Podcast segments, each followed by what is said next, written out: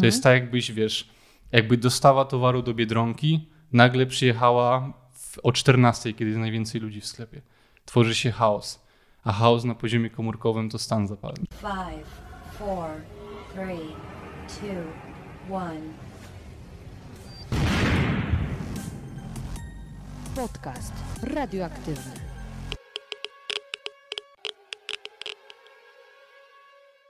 Dzień dobry, dzień dobry. Ja nazywam się Małgosia Zmaczyńska, a ty słuchasz podcastu radioaktywnego, czyli luźnych rozmów na nietypowe tematy.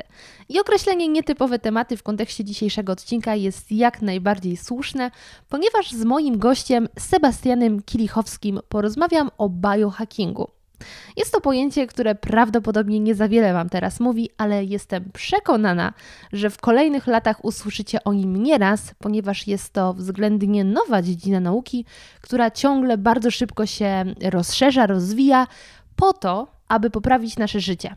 I ja wiem, że brzmi to trochę jak coaching i leczenie wszystkich nowotworów witaminą C, ale w ogóle tym nie jest, ponieważ jest to dziedzina nauki, która zgłębia tajniki rytmu dobowego, czyli tego, jak naturalnie e, funkcjonuje nasz organizm i jak niestety przez technologię, przez ciągłe siedzenie przed telewizorem, telefonem lub komputerem zaburzyliśmy nasz rytm dobowy. I ta nauka ma nam pomóc e, wrócić do tego, a przynajmniej poprawić funkcjonowanie naszego organizmu poprzez kilka m, tak naprawdę prostych zasad. I właśnie o tym porozmawiam z moim dzisiejszym gościem, który ma ogromny zasób wiedzy, rozumie wszystkie skomplikowane procesy, które zachodzą w naszym organizmie i niejednokrotnie w tym podcaście używa specjalistycznej nomenklatury, ale na moje i wasze szczęście Sebastian potrafi to wszystko wytłumaczyć za pomocą bardzo prostych i życiowych metafor. Dlatego jestem przekonana, że pomimo tego, jak skomplikowane jest to zagadnienie, wszystko zrozumiecie i po tym podcaście lepiej zrozumiecie swój organizm, a tym samym będziecie mogli poprawić jego funkcjonowanie. Zanim jednak zaproszę Was do wysłuchania tej rozmowy, to zaznaczę, że nagrywaliśmy ją pod koniec stycznia, więc nie dość, że minęła już zima, o której niejednokrotnie wspominamy w podcaście, to na świecie wydarzyło się wiele złego, o czym my wówczas jeszcze nie wiedzieliśmy, że to nadejdzie, dlatego w ogóle tego tematu nie poruszamy i myślę, że to dobrze, bo chociaż na chwilę będziecie mogli oderwać swoje myśli od koronawirusa. Także moi drodzy, nie przedłużając już, serdecznie zapraszam Was do wysłuchania naszej rozmowy. Dzień dobry, dzień dobry, mój drogi Sebastianie. Witam. E, witam w moich skromnych progach, chociaż to są bardziej Twoje progi. Także tak się wymieniliśmy. Mój drogi, porozmawiamy dzisiaj o temacie, który jest na pierwszy rzut oka trochę kontrowersyjny, uważam, ponieważ będziemy rozmawiali o biohackingu. Mhm. I jak myślisz w ogóle o połączeniu hackingu, który już jest trochę kontrowersyjny, bo zwykle nam się kojarzy z, z niecnymi rzeczami, a jeszcze połączymy to z bio, to możemy pomyśleć, że to jest jakieś takie, wiesz, wróżenie z fusów, leczenie nowotworów ciecierzycą i tak dalej, i tak. Ale się okazuje, że to nie jest. I to jest bardzo y, naukowa sprawa. Tak, chciałbym to trochę dzisiaj odkłamać, ponieważ no, obecnie żyjemy trochę inaczej niż stworzyła nas natura. Żyjemy bardziej w pomieszczeniu wewnątrz, mało czasu spędzamy na zewnątrz i biohacking to jest powiedzmy właśnie hakowanie, czyli takie delikatne oszustwo naszej, naszej biologii. Natomiast na korzyść dla nas, ponieważ obecne czasy, XXI wiek i parę wynalazków, które, przy których obecnie żyjemy, sprawiają, że jednak y, cierpimy na zdrowiu. I dzisiaj postaram się trochę o tym opowiedzieć. To jakbyś miał powiedzieć tak y, najprościej, czym jest biohacking, y, to co to właściwie jest? Y, wiesz, może zanim powiem, czym jest biohacking, powiem parę takich faktów, które są mega kluczowe w temacie. Dobra. Po pierwsze, tak, takie wprowadzenie. Po pierwsze, w 2017 roku badacze dostali Nagrodę Nobla za odkrycie rytmu dobowego. Czyli chodzi o e, szereg mm, rzeczy, które sterują naszą biologią. I w dużym skrócie.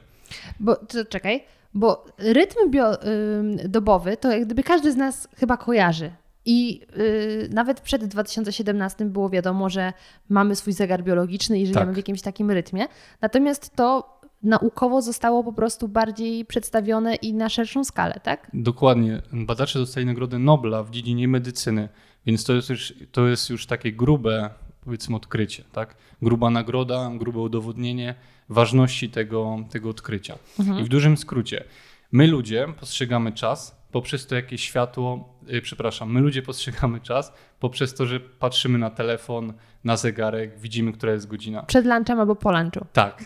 Natomiast wszystkie komórki w naszym organizmie postrzegają czas poprzez to, jakie światło padnie do naszych oczu. I to jest klucz, ponieważ obecnie żyjemy w świecie elektroniki.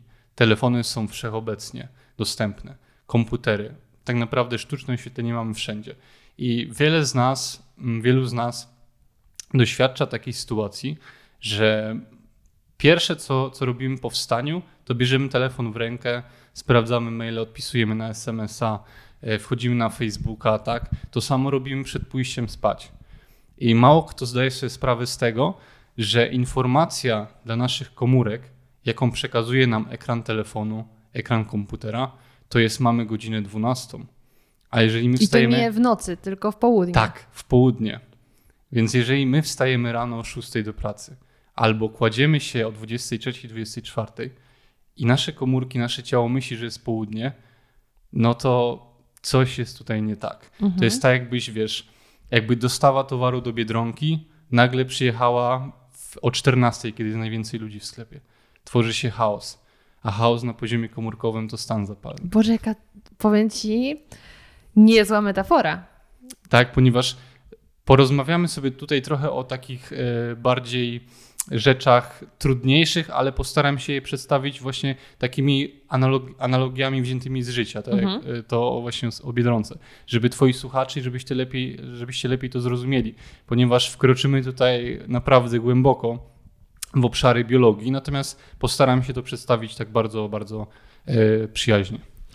Okej, no to ym, mówisz, że jeśli wieczorem korzystamy z telefonu, czy to z komputera, to nasz mózg dostaje sygnał, jest wcześnie, wcale to nie jest pora, żeby iść spać.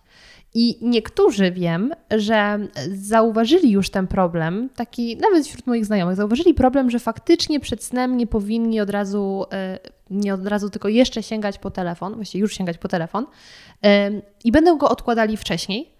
I niektórzy postanowili, że będą po 22 nie korzystają z telefonu, ale domyślam się, że po 22 to i tak już jest po ptokach.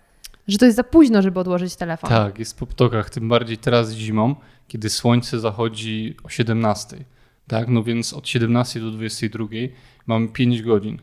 I te 5 godzin naświetlania się sztucznym światłem niebieskim, kiedy naturalnie go nie ma, bo słońce zaszło, jest problematyczne dla naszego zdrowia i dla wydzielania się melatoniny, hormonu, który jest najsilniejszym antyoksydantem w naszym ciele i odpowiedzialny za regenerację, za naprawę naszych mitochondriów, o których sobie dzisiaj powiemy. Jeżeli my po prostu mm, blokujemy sobie możliwość naprawy i, wy, i wydzielania melatoniny każdego dnia przez miesiące, lata, no to wtedy mamy poważny problem, ponieważ procent heteroplazmii naszych mitochondriów rośnie. Ja opowiem, co to są mitochondria, opowiem, co to jest procent heteroplazmii, natomiast jest to główna przyczyna wszystkich chorób na świecie, według badacza doktora Douglasa, który bada mitochondria od, od wielu, wielu lat i odkrył na przykład taką rzecz, że mitochondria, które są fabrykami energii w naszym ciele. Właśnie chciałam zapytać, czy dobrze kojarzy, że taka jest ich funkcja? Biochem nie poszedł na marne. Tak, tak. E, w mitochondriach wytwarzana jest energia. Kiedy mitochondria nie pracują, umieramy. I prosty przykład. Cyjanek. Cyjanek powoduje, że transport elektronów w łańcuchu oddechowym mitochondriów, czyli w systemie właśnie wytwarzania energii, się zatrzymuje i umieramy. Więc one są tak istotne. Gdyby nie one, nie byłoby nas tutaj. I, I teraz tak. E, Melatonina ma nie tylko za zadanie sprawić, że chce nam się spać i dobrze śpimy, tylko też y, pomagać się regenerować właśnie też mitochondriom Tak, pracować. dokładnie. Melatonina to jest takie mycie naczyń po kolacji. Prawda? Bez użycia zmywarki. Bez użycia zmywarki, tak. Bez użycia zmywarki, dokładnie. Czyli wiesz, cały dzień funkcjonujesz, e, robisz jakieś niesamowite rzeczy umysłowe, fizyczne, w zależności od tego, jaki kto tryb życia ma. I to jest tak, jakbyś właśnie jadła sobie śniadanie, obiad, kolację i zostawiała naczynia w zlewie, nie? I melaton, zadanie melatoniny jest umyć te naczynia, Żeby po prostu jak rano wstaniesz, żebyś miała czysty zlew, czyste naczynia. Miała znowu i po mogła... co sięgać. Tak, dokładnie. I to jest O ich funkcja. A jeżeli my nie mamy tej melatoniny, jeżeli my nie myjemy naczyń po, po całym dniu, to nagle zlew jest stos naczyń w zlewie. A my nie mamy już z czego korzystać, jesteśmy głodni. Tak, ale wyobraź sobie, że taka sytuacja niemycia naczyń następuje przez miesiąc, przez rok, przez 10 lat. Skąd miałbyś tyle naczyń, żeby codziennie odkładać i nie myć? To raz, ale dwa to jest co z tymi naczyniami, które zaczną gnić w twoim mieszkaniu i wysypywać się. Mm. To jest wtedy problem. I wrócę do rytmu dobowego jeszcze, y, ponieważ chcę bardziej i, i bardziej intuicyjnie wyjaśnić, czym jest rytm dobowy. Wyobraź sobie, że rytm dobowy to jest twoja ulubiona piosenka. Ja jak mówię o piosence, to razu mam skojarzenie e, z Guns N' Roses, Sweet Child of Mine, ponieważ jak studiowałem, to dzieliłem pokój z współlokatorem, z Pawłem, którego serdecznie pozdrawiam. I on zawsze miał ustawioną na budzik piosenkę właśnie Sweet Child of Mine.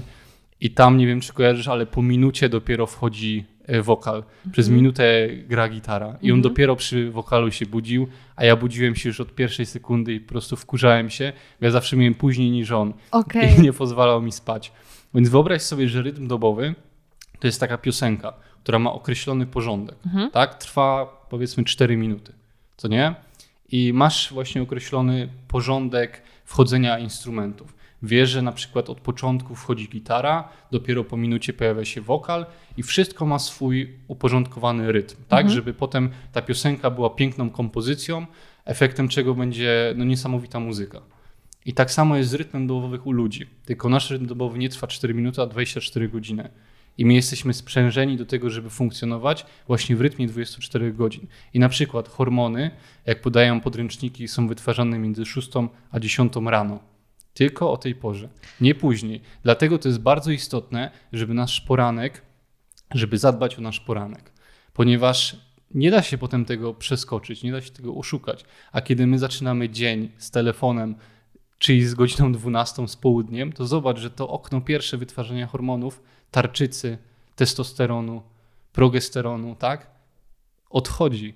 I wyobraź sobie, że to trwa miesiące, że to trwa lata. Muszę powiedzieć, że jestem pod wrażeniem naprawdę tych Twoich metafor, bo ja zupełnie rozumiem i wyobraziłam sobie sytuację, że każdy nasz y, narząd i w ogóle hormony to jest właśnie jakiś instrument i nie, jak nagle wchodzi perkusja, a nie było jej od 15 minut mimo, albo godzin, e, a już dawno powinna wejść, to nagle jest dziwne i brakowało jej od początku, a teraz już trochę nie pasuje. Jak z tymi hormonami. Dokładnie. I sobie myślę, że ty masz naprawdę talent do tych metafor. Powinieneś zacząć pisać, wiesz, jakieś książki. Dziękuję. Jestem w trakcie. Okej, no to dobrze, to widzę, że wyczułam twój potencjał. Ale okej, czyli em, powinniśmy zadbać już od samego rana o to, co robimy. Tak. I co Poranek jest kluczowy. robić? Powinniśmy się wystawić na naturalne światło słoneczne. Czyli Chociaż na wstajemy 15 i wstajemy minut. w oknie. O, właśnie nie, ponieważ mało kto zdaje sobie z tego sprawę, ale szyby blokują całe światło UV i część światła również czerwonego. Więc, Czyli idziemy na balkon. czyli tak, wystawiamy się na naturalne światło nie przez szybę i też dbamy o to, żeby nie mieć wtedy okularów, nie mieć wtedy soczewek, ponieważ okulary również blokują UV, również blokują cząstkę światła czerwonego. Soczewki to samo. Ale poczekaj, czyli UV jest dobre, bo zazwyczaj jak kupujemy e, okulary, to właśnie zwracamy na to, żeby na pewno miały filtry UV. To one są dobre czy są złe w takim razie? Okej, dobra. Zanim odpowiem na to pytanie, to przytoczę Ci parę faktów. Okay?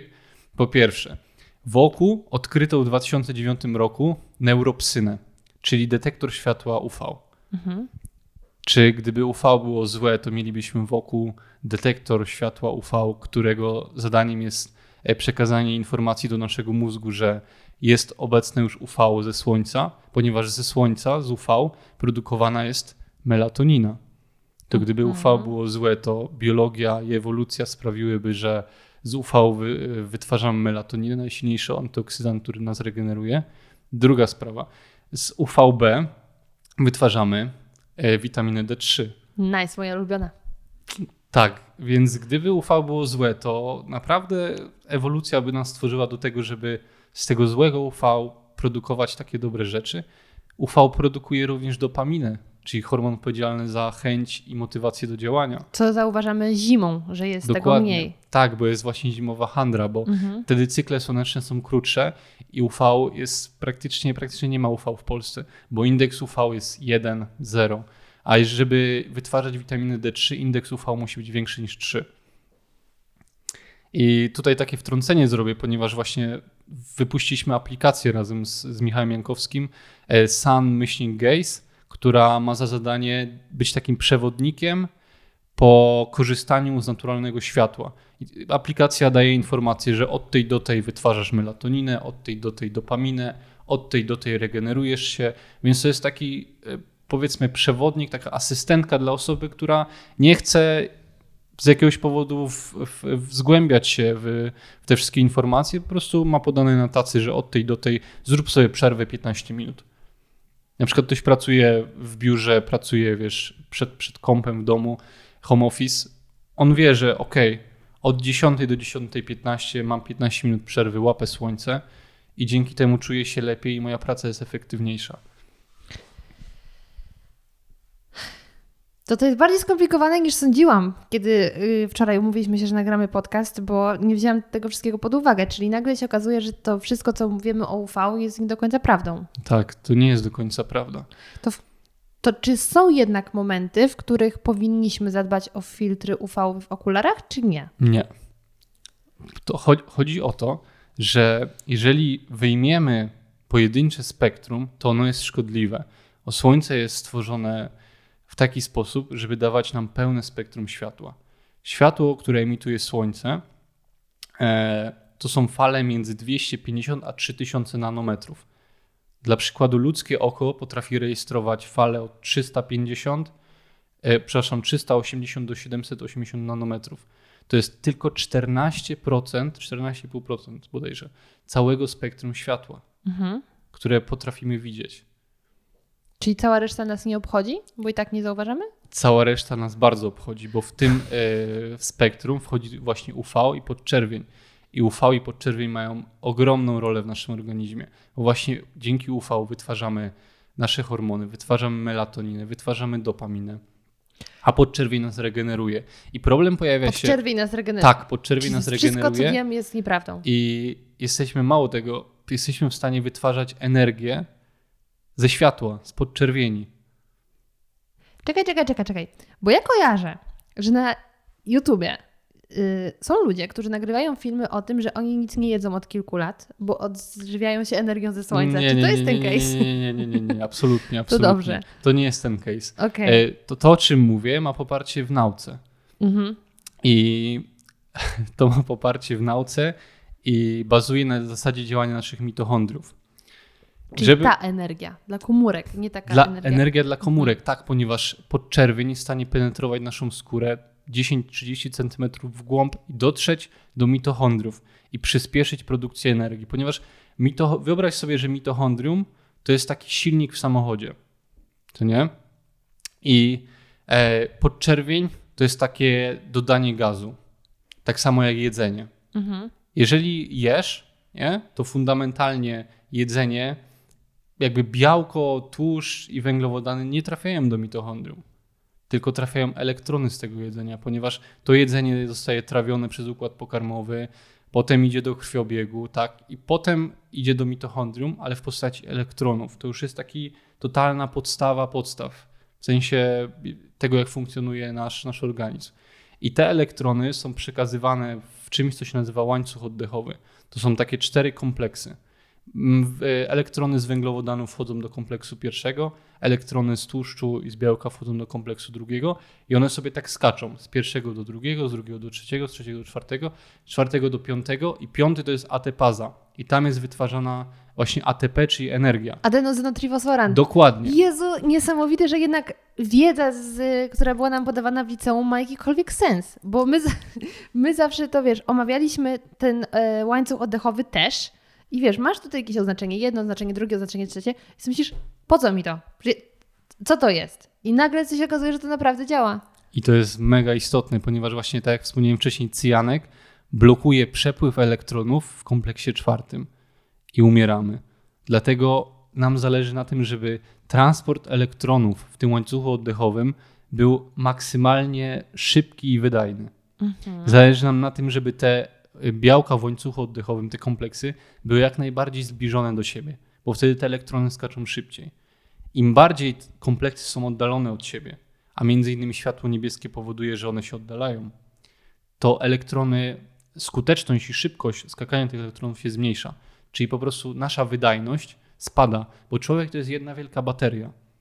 I od tego, jak, jaką energią się cieszymy, jakim zdrowiem się cieszymy, ile mamy siły i chęci do życia, zależy od poziomu naładowania tej baterii.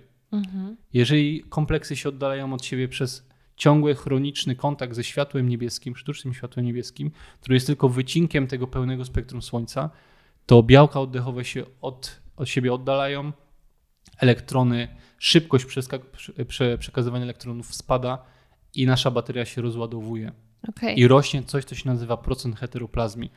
To zaraz do tego dojdziemy. Ja zadam jeszcze ostatnie pytanie związane z UV, Dobra? bo jak na przykład idziemy w górę, to Tak. wtedy mówi się, że też ten filtr jest ważny, bo śnieg, bo coś tam odbija, oczy się niszczą, coś.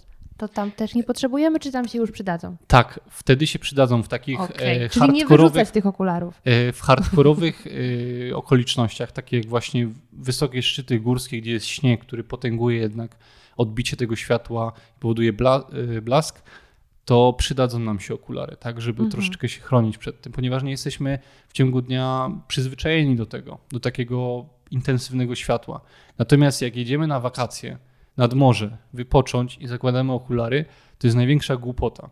Z tego względu, że mamy, a wracając jeszcze do rytmu dobowego, Mhm. mamy dwa zegary w naszym ciele odpowiedzialne za rytm dobowy. Pierwszy jest tutaj w oczach, w mózgu, to jest zegar centralny. Reszta zegarów jest na przykład w wątrobie, w nerkach i tak dalej, i tak dalej. Są zegary peryferyjne. One mają być synchronizowane ze sobą. Czyli zegar centralny ma nadawać takt zegarom peryferyjnym. I największym dawcą czasu jest światło. I wyobraź sobie teraz taką sytuację. Jedziesz nad morze, masz założone okulary, y, okulary przeciwsłoneczne, Mhm. tak? Więc na skórze dostajesz pełne spektrum światła, które jest informacją dla Twoich komórek, która jest godzina, jaka jest temperatura, wszystko. Słońce, światło daje informacje do Twoich komórek i napędza wszystkimi reakcjami biologicznymi w Twoim organizmie. Więc skóra dostaje pełne, pełną informację, a oczy dostają tylko wycinek, bo okulary przeciwsłoneczne wycinają UV. I czyli te zegary nie są zsynchronizowane ze sobą. Na tej zasadzie, i to jest szalenie istotne, żeby te zegary były zsynchronizowane ze sobą, ponieważ na tej samej zasadzie działa GPS. Każdy ma GPS, czy to w telefonie, czy to w zegarku Garmin, prawda? Ale mało kto wie, że te urządzenia działają na podstawie prawa, które wymyślił Albert Einstein. Czyli to jest po prostu fundamentalna zasada fizyki, że zegar, który jest wyżej, tam w kosmosie, czyli satelita, ma chodzić szybciej o 38 mikrosekund od tego zegarka, który masz w telefonie. Jeżeli nie będzie chodził, to jadąc na Mazury, miałabyś przesunięcie o 10, o 100 kilometrów. Czyli zamiast przyjechać na Mazury, to byś przyjechała do Elbląga. Nie? Gdzie za chwilę ruszam? Czyli o kurczę, to wszystko, co się uczymy w szkole ma sens. To wszystko ma sens, tylko trzeba połączyć kropki. Faktem, jest, faktem niezaprzeczalnym jest to, że jednak w szkole te informacje, znaczna część informacji to jest szum, który trzeba odfiltrować. Tak?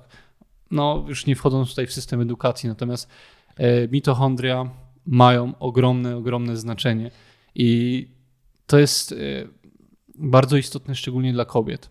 Bo tak jak powiedziałem Ci wcześniej, ten gość Doug Wallace to jest e, numer jeden na świecie w kontekście badania nad mitochondriami. To ten, co dostał Nobla? On jeszcze nie dostał Nobla. okej. Jeszcze. Nad- Nobla dostali za odkrycie rytmu dobowego, Okej. ale to byli inni badacze. Natomiast Doug Wallace odkrył, że mitochondria są przekazywane tylko przez matkę. Czyli jakbyś miała dziecko, to twoje dziecko odziedziczyłoby tylko po tobie mitochondria. Ha. A ty masz mitochondria po swojej mamie i to Mhm. idzie tak w linii żeńskiej. I powiem ciekawostkę, że zbadano drogę tych mitochondriów i okazuje się, że pierwsze kobiety były w Afryce. Dwa pierwsze mitochondria zostały odkryte w Afryce. I na podstawie potem y, rozrodu kobiet odkryto, jak ludzie migrowali z Afryki. Ale poczekaj, poczekaj. jak oni to zbadali? Doszli, była... doszli po, doszli po y, mtDNA, czyli po DNA mitochondrialnym, doszli do tego, jak, jaka była, jakie było drzewo genealogiczne rozrodu i e, ewolucji mitochondriów. Jesus. To jest niesamowite, Ale zobacz, jeżeli. My Kto... wczoraj wieczorem gadaliśmy o Instagramie, nie? Jak tam te algorytmy i tak dalej, a ludzie robią tak mądre rzeczy w tym czasie. Tak. Niesamowite. Dlatego polecam każdemu, żeby sprawdził na YouTubie. Jest filmik Doc Wallace y, Mitochondria. On tam wszystko tłumaczy. Jeżeli ktoś jest bardziej ambitny, to polecam również jego książkę. Mhm. Natomiast pierwsze mitochondria, czyli pierwsze kobiety na świecie, pochodzą z Afryki. I mamy stworzoną mapę, Wallace stworzył mapę, jak potem migrowały kobiety na Europę, na Azję itd., itd. I każde mitochondria mają swoje specyficzne DNA, które nazywają się haplotypy. To jest typ mitochondriów, ponieważ dla ludzi w Afryce bardziej liczyło się to, żeby uciec przed y, lwami, niż to, żeby się ogrzać. Co nie? No bo tam jest ciepło. Mhm. Natomiast dla nas, dla Europejczyków albo dla Rosjan, bardziej się liczy to, żeby jednak nie zamarznąć zimą, tak? No bo w Rosji nie ma tygrysów. Mhm. Dlatego nasze mitochondria ewoluowały i zaczęły wytwarzać ciepło. Czyli jedząc, my również wytwarzamy ciepło, żeby się ogrzać. Szaleństwo. Tak, natomiast mało kto zdaje sobie z tego sprawę, że na kobietach drzemie ogromne brzemię, ponieważ twoje dzieci będą miały twoje mitochondria. Mhm. A jeżeli ty, twój procent heteroplazmii, a procent heteroplazmii to, jest, to są mutacje mitochondriów, czyli te mitochondria po prostu zaczynają działać słabiej. Białka w systemie, e, białka, kompleksy w łańcuchu oddechowym się oddalają od siebie. Maleje skuteczność i szybkość przekazywania elektronów, bateria się rozładowuje. I jeżeli takie mitochondria przekazujemy swoim dzieciom, to one już na starcie, to one już mają gorszy start po prostu bo one rodzą się powiedzmy z 20, 30, 50% heteroplazmii, czyli one bardziej y, są narażone na choroby we wcześniejszym wieku. No to mamy problem. A dużym problemem dla nas, dla kobiet jest sztuczne światło niebieskie, ponieważ ono napędza wzrost procentu heteroplazmii, gdzie średnio powinno, y, ten procent heteroplazmii powinien rosnąć o 10% przez 10 lat. Dlatego właśnie ludzie dożywają 80, 90 i jest koniec. Średnio, tak? Mhm. Przez procent heteroplazmii, ponieważ już potem przekazywanie energii, wytwarzanie energii, zarządzanie nią jest na tak słabym poziomie, że już jest koniec. Bo ty wspomniałeś, że jak jest ten łańcuch oddechowy, to y, przez niebieskie światło te łańcuchy się od siebie oddalają, tak? Tak. A im są dalej, tym to jest mniej skuteczny proces. Czyli skoro światło niebieskie występuje naturalnie, i to jest takie światło, które mamy za dnia, w południe na przykład, to zostało to wymyślone po to, żeby co? Dlaczego to niebieskie światło ma te łańcuchy nam naturalnie oddalać? Żebyśmy nie produkowali energii w południe? E, może to jest dobry moment, aby pokazać słuchaczom odczyt z spektrometru, Okej. ponieważ pokażę różnicę między naturalnym spektrum światła, a sztucznym z naszych urządzeń elektronicznych. Dobra. To włączaj. To czekaj, zrobimy zdjęcie temu, co zrobiłeś. Okej. Możemy spróbować pokazać do kamery. Okej, i to jest odczyt światła, jak wyszedłeś na balkon i zrobiłeś. Okej. To teraz y, ja tutaj mam przygotowany telefon. I teraz strzelimy w telefon. Tak, już jest zupełnie inny, więc znowu ja zrobię zdjęcie dla słuchaczy. Będzie na Facebooku. A ty jakbyś mógł jeszcze do kamery tylko pokazać. I tak obrazowo dla słuchaczy, no to wykres światła się znacznie różni, ponieważ przy świetle dziennym on jest bardzo jednolity. Wartości są zbliżone, natomiast przy odczycie światła z telefonu widać takie pagórki. Nawet można powiedzieć wzgórza. Tak, przede wszystkim e, słońce daje nam pełne spektrum, dlatego to światło jest równe. Jest równo niebieski, zielony, czerwony. Jeszcze jest UV, jeszcze jest podczerwień, których nie widać na wykresie, ponieważ to urządzenie nie jest takie inteligentne, żeby mierzyć też UV i Mhm. podczerwień. Natomiast słońce daje pełne spektrum. Natomiast sprzęt elektroniczny to jest takie sztuczne słońce. To jest światło, do którego kompletnie nie jesteśmy przystosowani biologicznie bo to światło nie ma UV w ogóle w sobie, nie ma podczerwieni, jest tylko mały wycinek, duży pik, właśnie ten pagórek światła niebieskiego, światła zielonego i tak naprawdę tyle. Nie? I my nie jesteśmy stworzeni, żeby funkcjonować w takim świetle. Mało tego, coraz więcej badań wychodzi na ten temat, że właśnie ten pik światła niebieskiego, który pokażesz swoim słuchaczom, niszczy komórki w oczach. Są na to badania, możemy też Komórka podlinkować. niszczy komórki. E, Komórka niszczy komórki, tak. Dlatego teraz e, nie wiem, jakie jest polskie słowo majopia, nie wiem, jaki jest polski od, odpowiednik tego. Mm, Natomiast w Azji to jest główna, teraz główny problem, że większość dzieci nosi okulary, ponieważ ten wzrok jest słaby, bo ciągle siedzą przed, przed elektroniką. Mhm. No dobrze, to, ale to powiedz mi w takim razie, nawet w południe, to światło niebieskie, które wtedy już jest naturalnie na zewnątrz, bo w nocy nie ma światła niebieskiego na zewnątrz, Mhm. jest zupełnie inne niż to światło niebieskie, które generują nam telefony. Tak, Przez to właśnie z tego, spektrum. Z tego względu, że światło niebieskie naturalnie występujące na zewnątrz jest zbalansowane przez czerwone, Mhm. przez podczerwień i pełne spektrum. Natomiast my tutaj mamy tylko praktycznie światło niebieskie, bez, bez niczego innego. I im y, w długości fali jesteśmy bardziej w lewą stronę, czyli im mniejsza długość fali, tym ma większą energię. I problem pole, po, pojawia się tutaj Czyli im bardziej niebieskie, tym większa energia? im bardziej w lewą stronę idziemy, tak jak tutaj masz nanometry, prawda, Mhm. na skali. To jak masz 780 nanometrów, To to to to, światło będzie miało mniejszą energię Okej. niż 380, Okej. nie? Czyli e, stosunkowo światło niebieskie na tej skali ma większą energię niż czerwone. I natura wymyśliła to tak, że ma ono nam dawać właśnie energię do działania, bo to jest dzień. Tak, bo nas pobudza. Powinno działać tak, że jest wschód słońca, wstajemy i wtedy światło niebieskie w pierwszej połowie dnia, kiedy jeszcze nie ma dostępnego yy, światła UV, rusza naszą przysadkę do wytwarzania hormonów. Każdy czas w ciągu dnia ma swoją specyficzną funkcję, ale grubo zaczyna się robić dopiero później, kiedy zagłębimy się w naukę. Bo po pierwsze tak, w naszym oku wynaleziono, od, wynaleziono odkryto melanopsynę. To jest receptor światła niebieskiego. Mamy go w oczach. Odkryto chyba to w 98 roku. I on ma po prostu za zadanie przekazywać informacje do naszego mózgu, gdzie jest centralny zegar tego rytmu dobowego, i potem nasz mózg zarządza całą biologią naszego organizmu na podstawie informacji przechwyconej przez oko. Robi się ciekawie, bo w 2017 roku melanopsynę, czyli ten receptor światła, odkryto również na skórze i w tkance tłuszczowej. Czyli jak ktoś ma więcej tkanki tłuszczowej, to ma go więcej? Mm-mm. Bo dosłownie dwa tygodnie temu pojawiło się nowe badanie, które mówi, że światło jest w stanie zarządzać tkanką tłuszczową i mówić jej, kiedy ma się spalać, a kiedy nie. To potrafi światło. I to jest już na Mów ten mi więcej, to na- znaczy, że co? To znaczy, że my siedząc w zamkniętym pomieszczeniu, Bez słońca. przez sztuczne szyby, które nie przepuszczają pełnego światła, stajemy się otyli. To jest może bardzo kontrowersyjne na ten czas stwierdzenie, natomiast jeżeli spojrzymy na nowe dowody, nowe badania, na przykład to, co okazało się dwa tygodnie temu, to faktycznie można dojść do takiego wniosku. Rozumiem.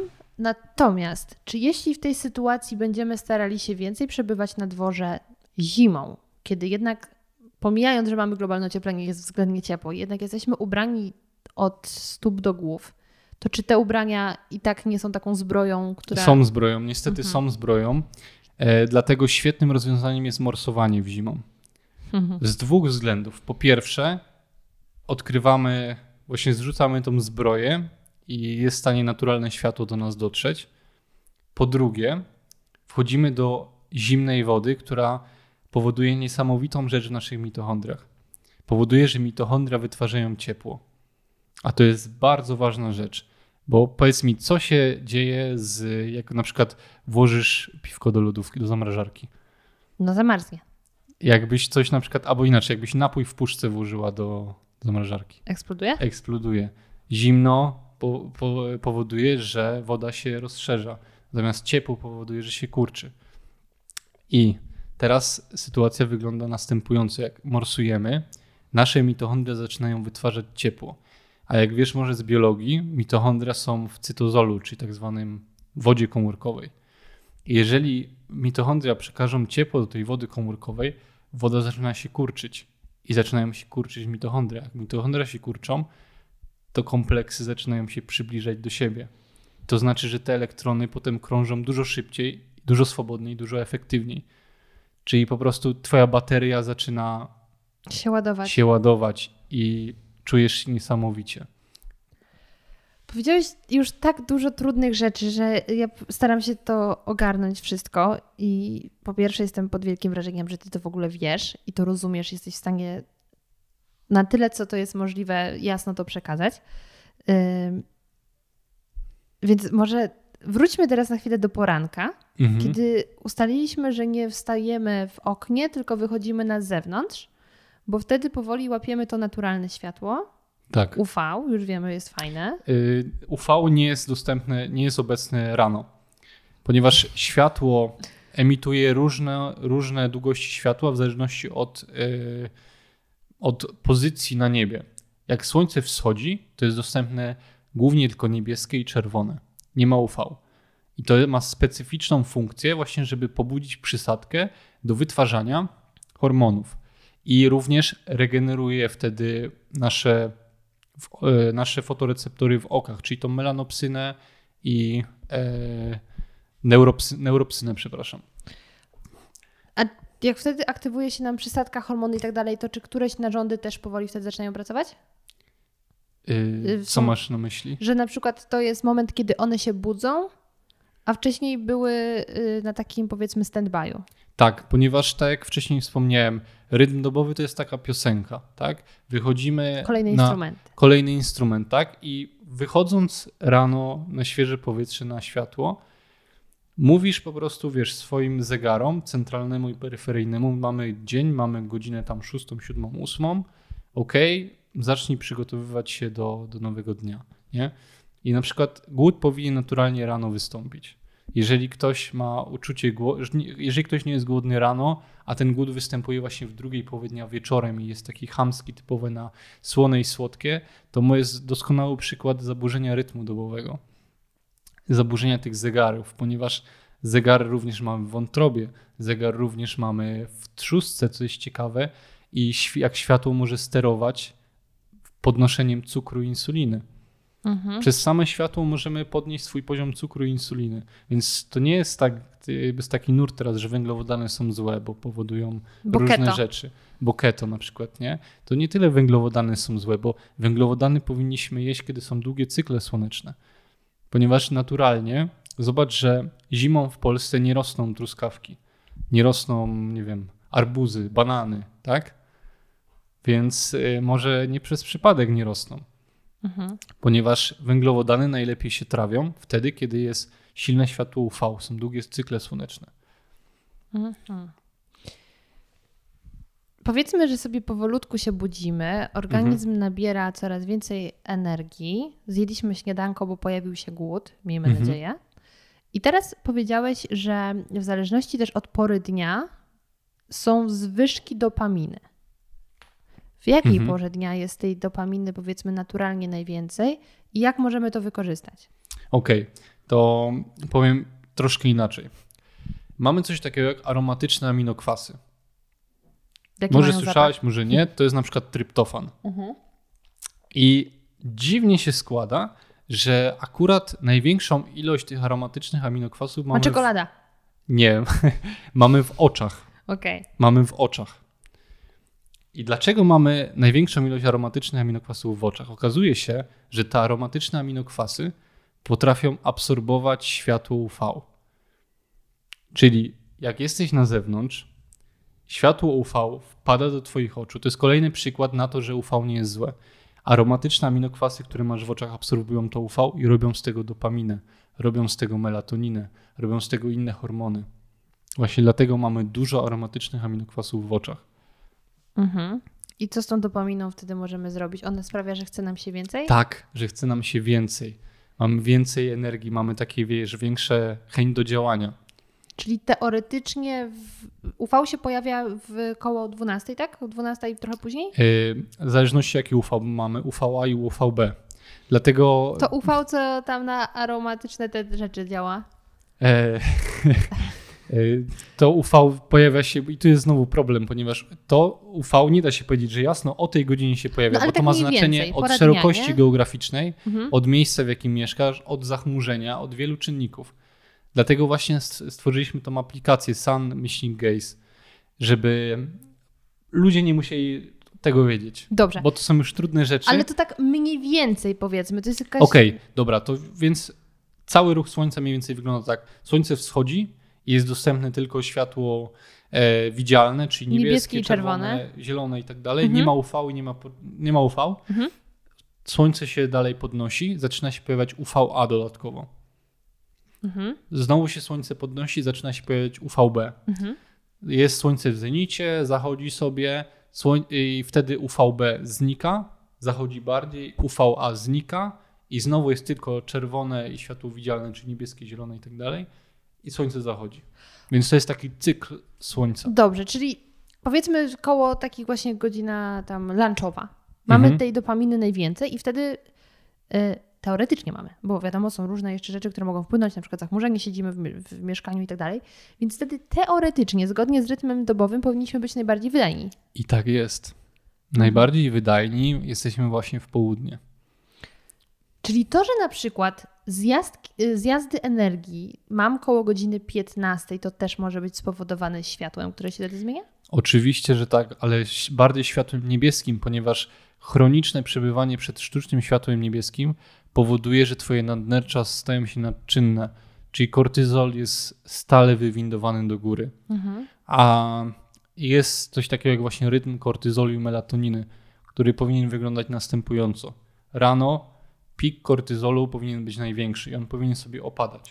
Bo warto zaznaczyć, że kortyzol też ma dobrą y, Tak, funkcję, jak bo większość kojarzy, że to jest tylko stres, ale to też jest powodowanie, że my chcemy rano coś robić. Tak, jak najbardziej. Kortyzol jest bardzo dobrym, powiedzmy, hormonem, ponieważ no między innymi on powo- spowodował to, że byliśmy w stanie uciekać przed tygrysami kiedyś tam, tak? Miał Albo nas żubrami. zmotywować. A tak, dokładnie. Więc y, tak w 100% się z tą zgadzam, że kortyzol również jest, jest dobry. Mhm. W ogóle ja uważam, że nie ma czegoś takiego, że jest tylko dobre albo tylko złe. Musi istnieć jakiś kontekst. Myślenie tak samo jak-. Tak, dokładnie. Tak samo jak to UV właśnie. Mhm. Tak? Dzisiaj Ci już wiele rzeczy powiedziałem, że mam nadzieję, że troszkę z- zmieni pogląd na UV, ponieważ ono nie jest tylko dobre albo tylko złe. Kiedy mamy do czynienia z wyciętym spektrum sztucznego światła, tak jakbyśmy mieli e, do czynienia tylko z UV, to jest katastrofa. Mhm. Tak? Nowotwór, tak? Rozwinięcie się nowotworu. Natomiast jeżeli mamy do czynienia tylko ze światłem niebieskim, to samo. My jesteśmy stworzeni do tego, żeby e, czerpać pełne spektrum światła. I co ciekawe, nie przez przypadek Słońce i rytm dobowy świat został tak skonstruowany, że najpierw Słońce nie emituje UV. Jest dużo podczerwieni i światła widzialnego, ponieważ podczerwień zwiększa naszą, nasz potencjał do absorpcji UV. Mm. Czyli jeżeli ty faktycznie zaczynasz przebywać na świeżym powietrzu przez cały dzień, ty jesteś w stanie potem wytrzymać bez żadnego olejku, kremu z filtrem, okularów przeciwsłonecznych, kiedy jest UV. Doskonale to przetestowałem na Bali, kiedy temperatury były po 30 stopni. Ni, przez żaden dzień, a byłem miesiąc, nie stosowałem kremu z filtrem. Nie stosowałem żadnej ochrony. Chodziłem cały czas bez koszulki.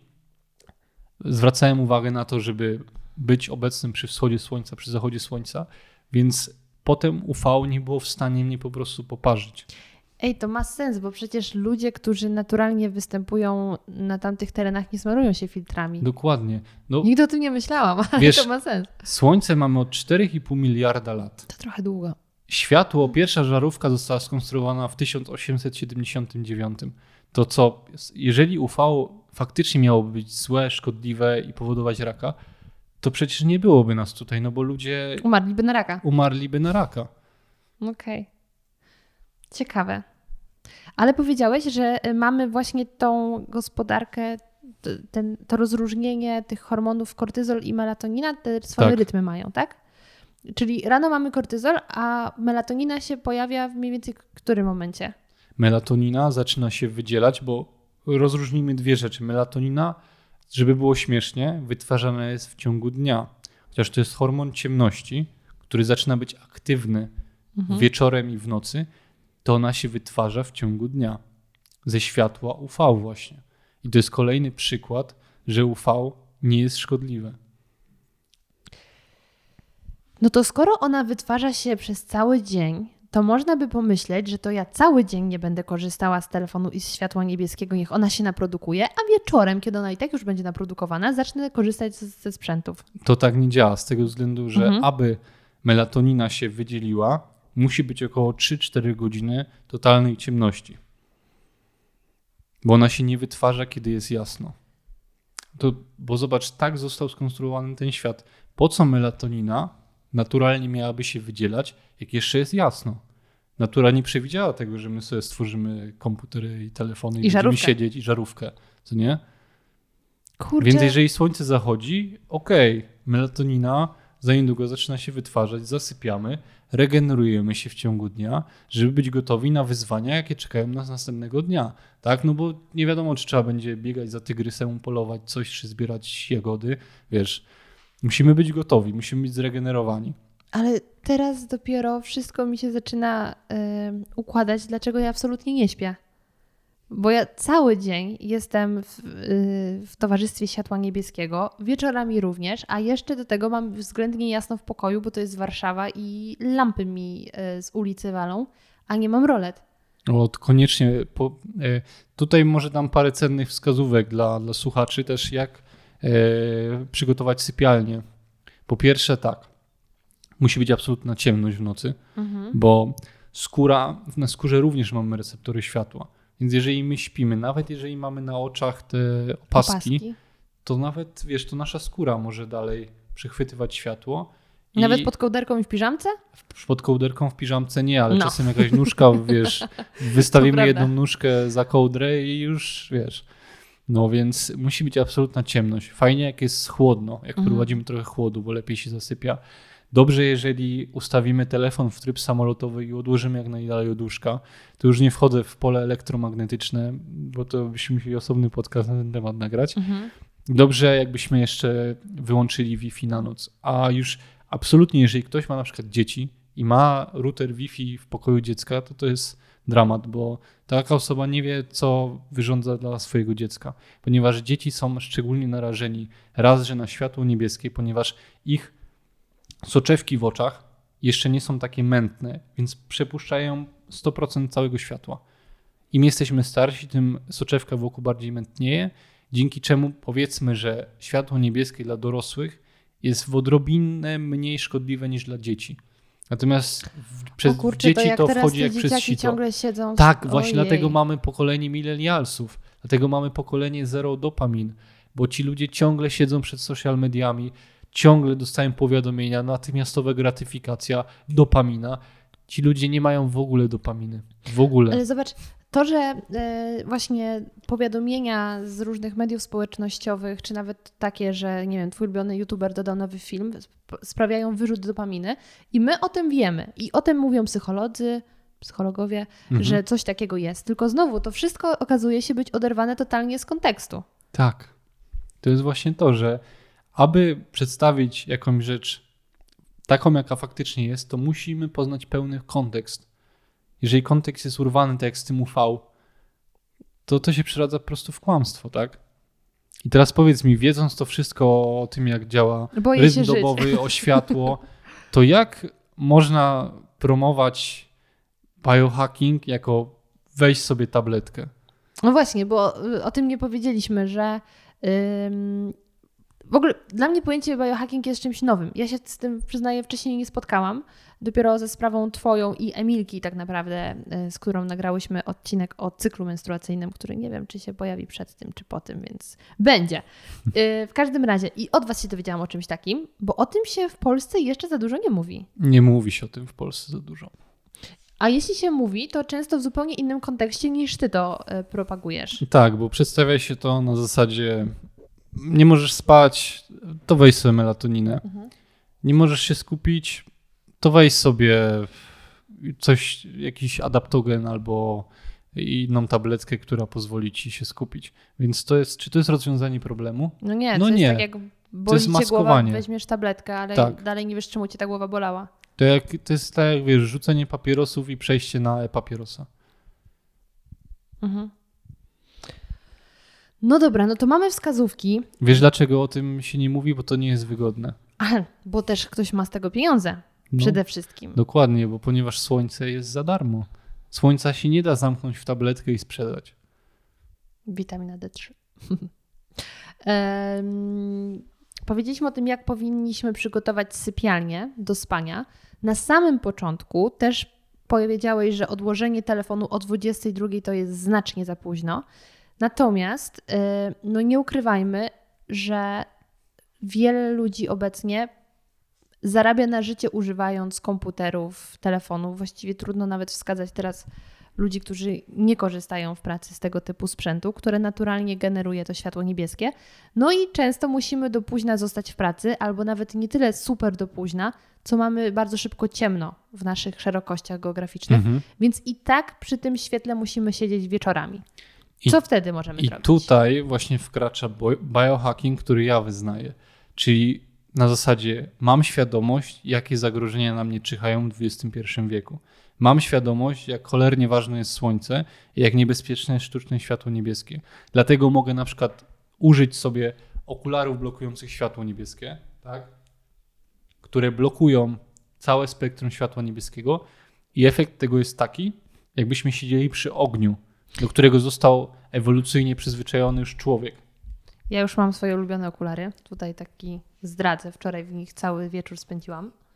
I muszę ci powiedzieć, że strasznie dla mnie było bolesne, kiedy musiałam je nawet na chwilę ściągnąć wczoraj, kiedy cały dzień sobie już tak w nich byłam i tak chillowo było e, i miło. I faktycznie, kiedy je ściągnęłam, bo poszłam pod prysznic, to było takie, a, To światło potem razi, No. ale jest niesamowita różnica, bo wiesz, jeżeli przez x miesięcy, lat nie wyzwalałaś pełnego potencjału melatoniny, absolutnie tego a nie nagle robiłam. zakładasz okulary, które pozwalają ci na to, pozwalają, żeby twoja melatonina się wydzieliła i w końcu zmywasz te naczynia na wierzchu i masz czystą kuchnię, jak Mhm. wstajesz rano, to uczucie jest niesamowite.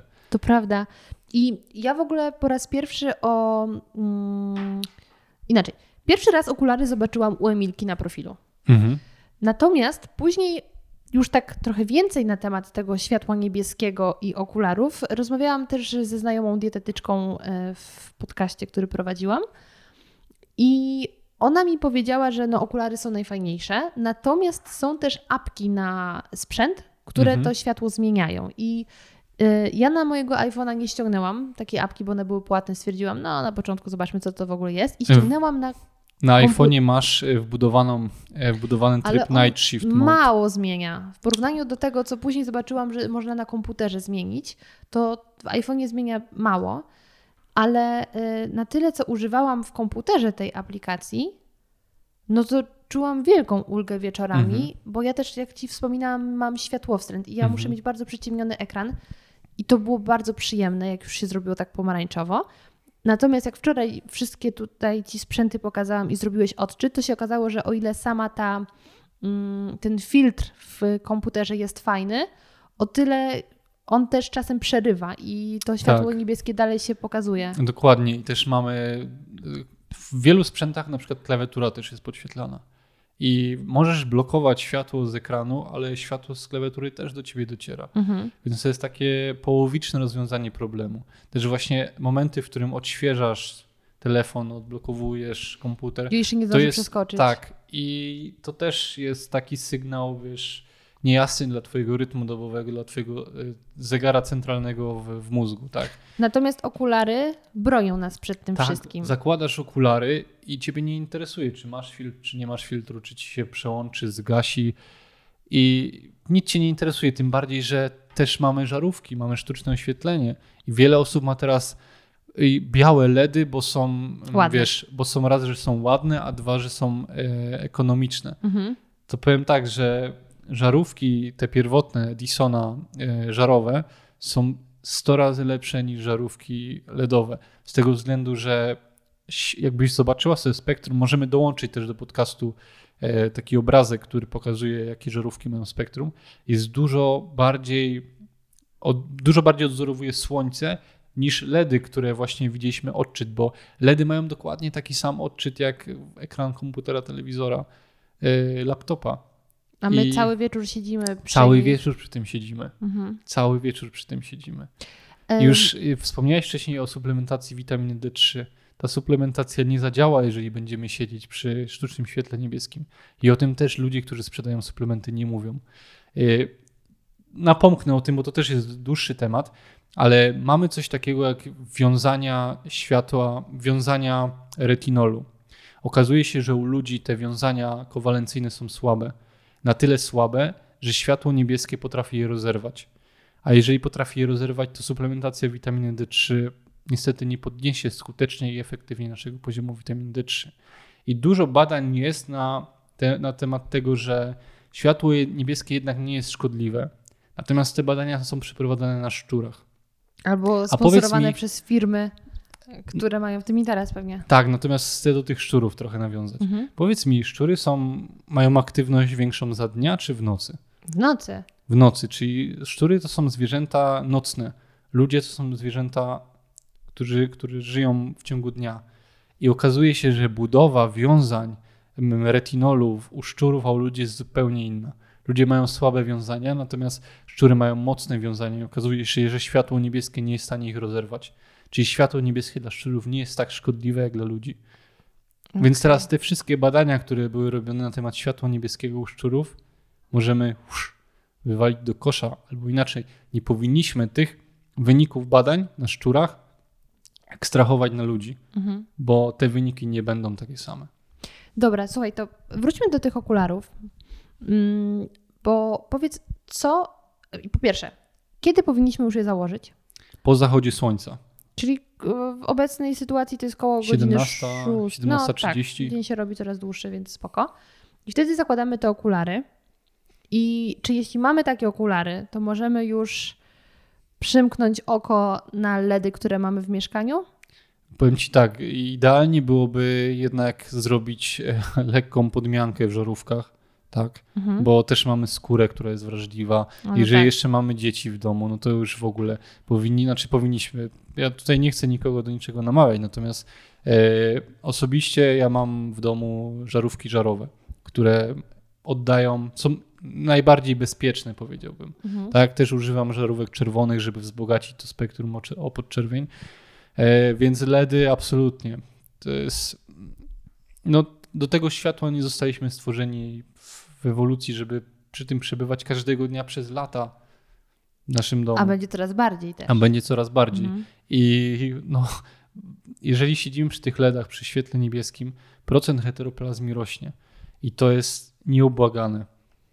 Czyli po prostu siedząc przy sztucznym świetle, przyspieszamy naszą śmierć i chorobę. Mówiąc w dużym skrócie. Ponieważ tym właśnie procent heteroplazmii jest.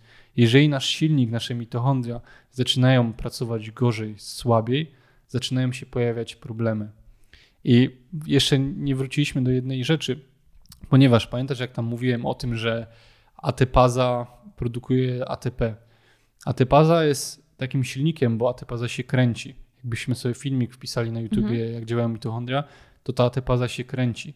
A okazuje się, że wszystko, co się kręci, na przykład silnik, produkuje pole elektromagnetyczne. Dlaczego EEG działa? Dlaczego możemy rezonans sobie zrobić? Ponieważ w sercu i w mózgu, akurat EEG robi się w mózgu, jest największe skupisko mitochondriów. Mhm. I teraz, jeżeli te mitochondria słabo działają, to pojawiają się problemy przede wszystkim tu i tu. Czyli w głowie i w sercu. Tak, ponieważ tu jest największe skupisko e, mitochondriów. I jakbyśmy już tak mieli dokładnie powiedzieć, jakie dają objawy, to daje to objawy, że źle działają. Co możemy odczuć? E, po prostu mamy mniej energii w ciągu dnia. Możemy być słabsi, może nam się nic nie chcieć. Szybciej zaczynamy chorować, pojawiają się jakieś problemy. To jest, jeżeli chodzi o mitochondria i o, o choroby ogólnie, jak mówi Doug Wallace, czyli numer jeden, Od mitochondriów, Od mitochondriów? już wiemy. 80% wszystkich chorób ma podłoże mitochondrialne. Ponieważ już nie chcę za głęboko w biologię tutaj wchodzić, bo moglibyśmy gadać i gadać. Natomiast fajnie byłoby zrobić sobie takie, taki challenge, żeby przez chociaż tydzień obserwować każdy wschód słońca i każdy zachód słońca. Mhm. To jest dosłownie 15 minut wschodu słońca, 15 minut zachodu słońca dziennie, to masz pół godziny dziennie. Przez 7 dni blokować sztuczne światło niebieskie wieczorem, robić tylko te dwie rzeczy, a gwarantuję każdemu ze słuchaczy, że poczują ogromną różnicę, ponieważ mitochondria wtedy zaczną efektywniej pracować. Będziecie mieli więcej energii, dzięki temu samopoczucie będzie diametralnie lepsze. Przyjmuję challenge. Zróbmy challenge siedmiodniowy. Siedmiodniowe Totalnie wschody. zrobimy. Em, dobrze, ale powiedz mi, bo też zahaczyliśmy o temat tej tkanki tłuszczowej. Tak, Czyli to znaczy, że jeśli przebywamy za mało na zewnątrz, albo też jesteśmy zmęczeni, to może to być powód naszego zbierania nowych tak jak, kilogramów? jak najbardziej. Badania, jak badania pokazują, już po jednej nieprzespanej nocy poziom hormonu greliny i leptyny, czyli hormonu sytości i głodu, jest diametralnie różny. Czyli bardziej nam się chce jeść. I Żeby tej jesteśmy, energii sobie naturalnie Tak. dodać. żeby właśnie sztucznie dodać tej właściwie. energii. Dlaczego? Bo kompleksy w mitochondriach oddalają się od siebie, więc potrzebujemy więcej energii. Mhm. Dlatego musimy więcej, wtedy mamy większe Łaknienie. łaknienie, tak. Na słodkie i na słone. Dlaczego? No bo to jest najszybsza energia, tak? Baton będzie szybszym źródłem energii niż ryż z kurczakiem i brokułem, prawda? Mhm. No, odnajduję siebie w Twoich opowieściach, powiem. Em, ale dobrze. Te okulary, jeszcze wróćmy do nich, Mhm. bo ja zostałam ich fanką, tak w ogóle. E, to pierwsze pytanie, które się na pewno pojawi wielu osobom, które postanowią je sprawdzić. Mhm. Dlaczego one muszą być drogie? Ponieważ postawiłem na jakość. Mhm. Bo, a właśnie, bo może zacznijmy od tego, jak to się stało, że Ty zacząłeś się tym zajmować? Mhm. Y, Zanim może do samego biohackingu, bo to opowiesz, jak się Okej. zacząłeś tym interesować, w którym momencie postanowiłeś te okulary tutaj w Polsce stworzyć Em, i, i od jak dawna to robisz? E, wiesz co, moja historia zaczęła się tak naprawdę, jak zacząłem pracować na, na fabrykach e, samochodowych, ponieważ jestem inżynierem, automatykiem i robotykiem. Skończyłem studia magisterskie w tym e, temacie i pracowałem programując na przykład e, dla Mercedesa G-klasę w Austrii, Rolls-Royce'a w Dingolfing w Niemczech, Scanie w Szwecji. I to była praca po 12 godzin codziennie. Na przykład i leciałaś na delegację 3 tygodnie i codziennie przez, dwa tygo- przez y, 12 godzin siedziałaś na fabryce. I Przy jarzeniówkach. przy Jarzeniówkach Szwecja była dramatyczna, ponieważ ja nie widziałem w ogóle naturalnego światła. Bo wstawałem do pracy na Było fabrykę ciemno. przy sztucznym świetle, przy ogromnym polu elektromagnetycznym. Były jeszcze op- opary metali yy, w, w powietrzu, no bo tam były procesy spawania, zgrzewania i tak dalej. Okej, były wywieczniki, były wentylacje, ale to nie było wszystko. Ja widziałem po swoim komputerze, on był zapchany cały od yy, resztek metali. Więc po takich trzech tygodniach i po takich paru delegacjach po prostu dramatycznie się czułem. Zimno mi było, moje łokcie zaczęły być czarne, zmiany skórne. Dramat, jednym słowem. I stwierdziłem wtedy, że to nie może chodzić tylko o dietę, ponieważ ja wtedy byłem na keto, byłem zakochany w keto. E, Bardzo mi służyła ta dieta, dużo lepiej się czułem. Natomiast od czasu, kiedy właśnie zacząłem jeździć na delegacje, moje zdrowie się strasznie zmieniło. Pomimo tego, że miałem super dobraną dietę, miałem suplementację za grube pieniądze, bo pracując jako robotyk zarabiałem dosyć dobrze. I, I co? I moje zdrowie podupadło. Czyli co? Zacząłem się zastanawiać, może dieta to nie wszystko. I tak powstał między innymi mój e, fanpage na Facebooku Dieta to nie wszystko, ponieważ zrozumiałem na sobie, że to nie chodzi tylko o jedzenie i o trening. Mhm. I powiem ci, że potem zacząłem robić duży research odnośnie właśnie środowiska, biohackingu, mitochondriów. Zacząłem czytać jak szalony, po prostu chłonąłem tą wiedzę i, i stwierdziłem, że właśnie światło niebieskie ma olbrzymi wpływ i światło niebieskie jest moim zdaniem numer jeden wrogiem dla ludzi. Wrogiem, jakby to nazwać. Jest bardzo negatywne w swoim działaniu, jeżeli nie jesteśmy świadomi tego, jak, jakie konsekwencje ze sobą rodzi. Bo ja nie mówię, że technologia jest zła sama w sobie, bo pozwoliła nam bardzo się rozwinąć i mamy teraz dostęp do wielu rzeczy, do których x lat temu nie było dostępu. Plus sama medycyna też się rozwinęła. Tak, plus sama medycyna. Mhm. Natomiast uważam, że jednak ludzie powinni być świadomi tego, jakie zagrożenia, jaka jest ta ciemna strona technologii. Ponieważ jeżeli jesteśmy świadomi ciemnej strony technologii, to jesteśmy się w stanie skutecznie przed nią chronić. I tak właśnie powstały okulary, ponieważ chciałem raz, że edukować ludzi, a dwa, dostarczyć im skuteczną ochronę przed tym, przed tą technologią. Więc takie szkła muszą faktycznie blokować 100% światła niebieskiego. Zanim stworzyłem okulary, to zamawiałem różne do testów. Z Amazona, z AliExpress, wszędzie gdzie się dało. I one po prostu nie były na tyle skuteczne. One nie blokowały tyle. Poza tym ja chciałbym, chciałem też stworzyć ładne okulary ponieważ e, jak wczoraj ci pokazywałem te takie gogle narciarskie, prawda? Takie U, trochę. Uweksy, tak. Mhm. Raz, że uweksy nie blokują pełnego spektrum tego sztucznego światła szkodliwego, a dwa, wyglądają jak okulary do spawania. Albo jak takie trochę science fiction. Albo jak science że na fiction. ulicy tak. tak trochę dziwnie Dokładnie. Mhm. A te okulary, Eye Shield, są ładne. One to są prawda, z no, wysokiej jakości te materiałów. są czadowe w ogóle. Lenonki są super, a to wygląda jak moje zwykłe okulary, mm, które mhm. mam korekcyjne, tylko że mają. Tak, to jest wysokiej jakości acetat, czyli octan celulozy, tworzywo nieoparte w pełni na ropie naftowej. Więc y, no, ja po prostu postawiłem na jakość. Stwierdziłem, że jak już coś robić, to robić to dobrze. Mhm. Więc chciałem, żeby te okulary po pierwsze były skuteczne i gwarantowały skuteczną ochronę dla ludzi przed sztucznym światłem niebieskim. Stawiam też mocno na edukację, czyli na moim Instagramie, Facebooku, stronie internetowej, blogu staram się pisać artykuły. Ostatnio nawet y, przeanalizowaliśmy z Emilią raport francuski, ponieważ o, o tym nie wspomniałem. W maju 2019 Francja wydała raport na temat szkodliwości LEDów i sztucznego światła. Ponad 480-stronicowy raport organizacji zdrowotnej we Francji. Tam jest opisane wszystko. I my to przetłumaczyliśmy na polski i zrobiliśmy analizę tego. Możesz to znaleźć na, właśnie na blogu iShield www.ishield.pl i w sekcji blog. I polecam przeczytać sobie parę tych artykułów, ponieważ to, jest, to, nie, to nie jest jakieś moje zdanie, mhm. że ja sobie coś wymyśliłem. Tam to jest oparte na, na po prostu fundamentalnej nauce, z którą no, nie można się nie zgadzać, bo jak nie zgadzać się z Nagrodą Nobla?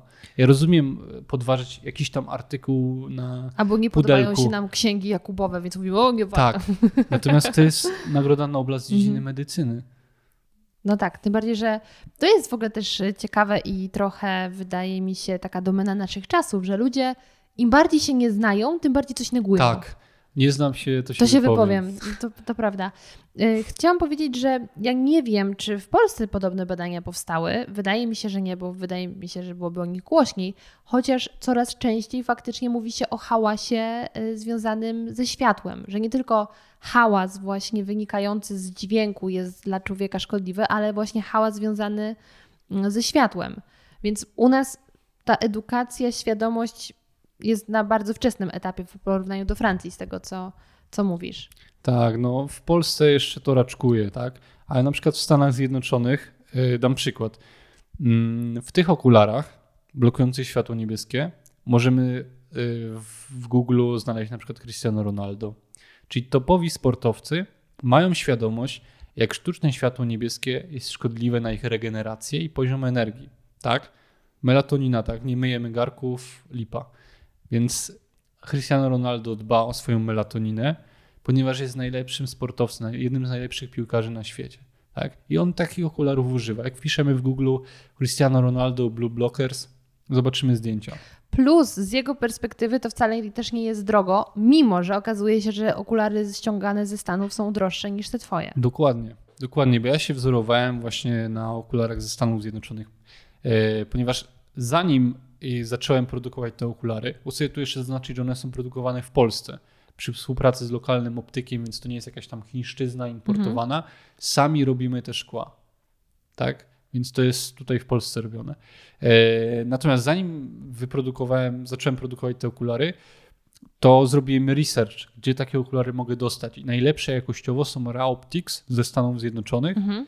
Natomiast cena raz, że jest dużo większa, dwa, trzeba czekać miesiąc na przesyłkę, więc chciałem po prostu dać możliwość nam, Polakom, dostępu do najlepszych okularów blokujących światło niebieskie na świecie, skutecznych, żeby mogli się skutecznie chronić i żeby były jeszcze tańsze niż te ze Stanów.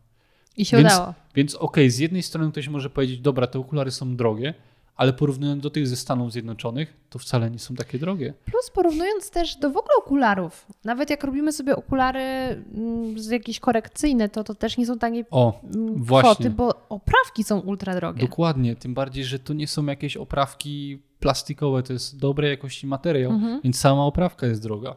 Doliczmy tutaj usługę jeszcze optyka. Tutaj mało kto ma świadomość, ile czynników wchodzi w grę, tak? I a propos korekcji, robimy również okulary blokujące światło niebieskie z korekcją, Mhm. gdzie to, tak jak mówię, to nie, jest, to nie jest e, produkt importowany z Chin.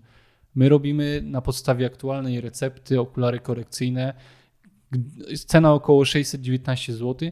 Natomiast w Stanach Zjednoczonych, jakbyś z Raoptics chciała kupić okulary korekcyjne, zapłacisz około 1400 zł, 1600 zł. Więc masz 1000 zł więcej. Mhm. Czy to jest drogo? No to już się zmienia skala. To już zmienia, właśnie dlatego ważny jest kontekst, Mhm. prawda? A powiedz mi, e, bo to mnie też zastanawia. Powiedziałeś, że e, też sprawdzałeś różne z Amazona, z AliExpress i one nie robiły tego tak dobrze, Mhm. jak powinny. Czyli to, że zobaczymy gdzieś, na przykład na zdjęciu też, że coś ma pomarańczowe szkła, to nie znaczy, że to na przykład jest faktycznie pomarańczowe szkło, tylko ktoś mógł sobie jeszcze maznąć. Tak, Farbką. dokładnie. Okej. Dokładnie. I mało tego, przypomniała mi się bardzo ważna rzecz, ponieważ wiele osób do mnie pisało, e, ty nie jesteś pierwszym producentem w Polsce okularów blokujących światło niebieskie, przecież te okulary są już dostępne w salonach optycznych od lat. Na pewno się spotkałeś e, z okularami blokującymi światło niebieskie w salonach Mhm. optycznych, nie? Te przezroczyste. Niestety one może i są dobre w ciągu dnia, natomiast one nie blokują światła niebieskiego, ponieważ fizycznie jest to niemożliwe, żeby przezroczyste okulary blokowały pełne, podkreślam, pełne spektrum światła niebieskiego. Bo ty masz też dzienne, ale one są właśnie dzienne i wtedy są przezroczyste szkła lekko żółtawe. Tak, Ale- pracuję nad takimi właśnie e, za dnia do, do użytkowania przed komputerem, ponieważ jeżeli siedzimy, jeżeli pracujemy dużo przed komputerem, to tak jak wspomniałem wcześniej, Za dnia też poziom, produkujemy. tak, na tym.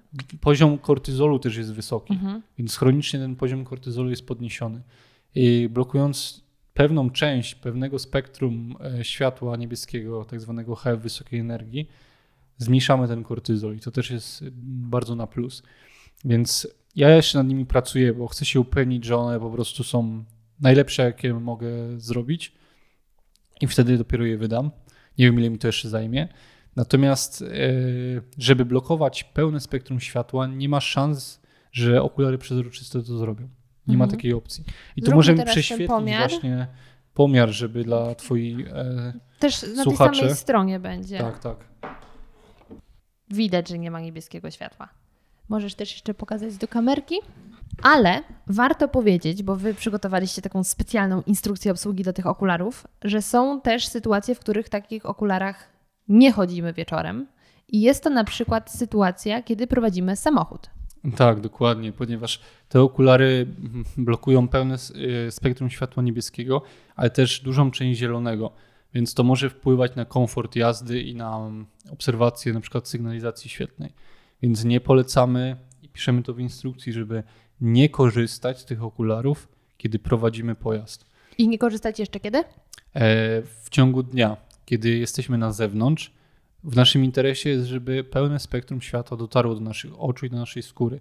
Więc bez sensu byłoby zakładać okulary blokujące światło niebieskie, kiedy chcemy, żeby to światło niebieskie naturalne Mhm. dotarło do nas, prawda? Więc wtedy absolutnie nie, nie używamy ich. Jak y, umawialiśmy się, że dobra, zaraz nagrywamy, to powiedziałeś jeszcze, że pamiętaj, żebym powiedział ci o makijażu. Co z tak, makijażem? tak, tak, tak, tak. Ponieważ e, makijaż też blokuje w pewnym stopniu światło UV. Więc wiesz, jeżeli jesteśmy na wakacjach, czy ogólnie i jesteśmy na zewnątrz i jest dostępny UV, to chcemy go jak najwięcej, bo ono jest super dla nas. Więc mając makijaż cały czas permanentnie na sobie, to pozbawiamy się mm, dostępu tego UV. I mało tego, UV ma właściwości bakteriobójcze. O tym mało kto wie też. Więc jeżeli ktoś ma problemy skórne na twarzy, wiem, że to jest temat taki dosyć e, poważny dla kobiet, ponieważ spotkałem się z wieloma kobietami, które miały jakieś problemy skórne. Jakiś syfek, Mhm. coś. No dla kobiety to jednak jest niewygodne i niefajne, prawda? Maskując to makijażem, tylko pogłębiamy problem, ponieważ jak wychodzimy na, na zewnątrz, to światło UV by, by zneutralizowało, Mm. zabiło Ale to nawet bakterie. jest tak, że jak jest rana, to mówi się, żeby niekoniecznie ten plaster tak, Tak, trzymać, bo od dokładnie. światła się. To prawda. Było. Mama Nie- mówiła. Nie wiem, czy kojarzysz, ale w restauracjach są lampy UV, żeby zabijać muchy na przykład. Tak? Ponieważ te mikroorganizmy, bakterie, one umierają od światła UV. Ja słuchaj, nawet mam... Nie wiem, czy kojarzysz na przykład, jak są filtry takie oczyszczacze powietrza, jest tam Mhm. też filtr UV, żeby właśnie te drobne ustroje zabijać. No ja właśnie mam do mojej szczoteczki sonicznej taką kopułę, gdzie tam mam sobie niby dezynfekować tym światłem V i przyznam, nigdy z tego nie skorzystałam, ale to może powinnam, skoro mówisz, że to jest dobre. Wiesz, e, nie wypowiadałbym się o szczoteczce, ponieważ pewnie to spektrum będzie wycięte i lepiej jest skorzystać z naturalnego światła. Nie wiem, jak to działa w szczoteczce, szczerze mówiąc, natomiast podejrzewam, że w szczoteczce nie ma pełnego spektrum światła słonecznego. Jest na to mała szansa, więc pewnie jest tylko wycięty jakiś skraweczek UV. Czyli nie wiem, bo to jest taka komora, do której mam wsadzić końcówkę, Mhm. zamknąć i to naświetlać przez jakiś czas. Aha, czyli to na szczoteczce zabija za bakterie. Tak, właśnie na Okej, tych, okej. tych, tych Okej, no to, to może mieć sens. To może Mhm. mieć sens jak najbardziej. Em, a coś miałam jeszcze. A, a propos makijażu. No to są w ogóle kosmetyki, które chwalą się tym, że mają filtr UV i bardzo często są to kosmetyki z Korei, no bo Koreańczycy uwielbiają bardzo wręcz białą Mhm. cerę, skórę. Oni tych filtrów 50 na twarz kładą bardzo dużo na co dzień. I to się mówi, że właśnie słońce postarza, więc one używają filtrów, żeby być wiecznie młodymi. Ale jak teraz tak Cię słucham, to myślę, że o wiele bardziej postarzy nas y, stres, zmęczenie, niż to, czy będziemy y, używać takich kosmetyków, czy nie, bo mm, często też niektórzy się regenerują witaminą K albo A, że Mhm. ona jest taka A, młodości. a propos, ale... to witamina K, wiesz co wytwarza? UV. Ha. Widzisz. I mówi się też, że UV powoduje szybsze starzenie się skóry.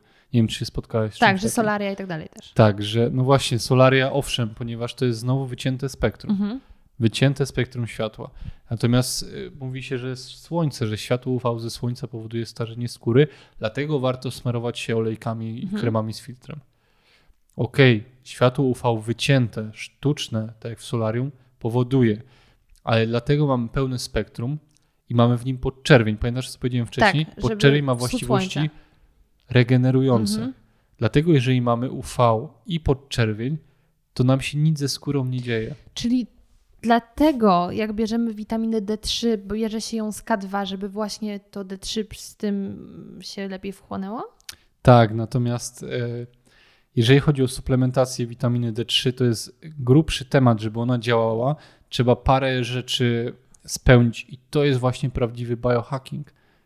O tym się nie mówi, bo nikt nie wie tak naprawdę, jak dobrze się suplementować. Jest teraz coś takiego, co się nazywa. E,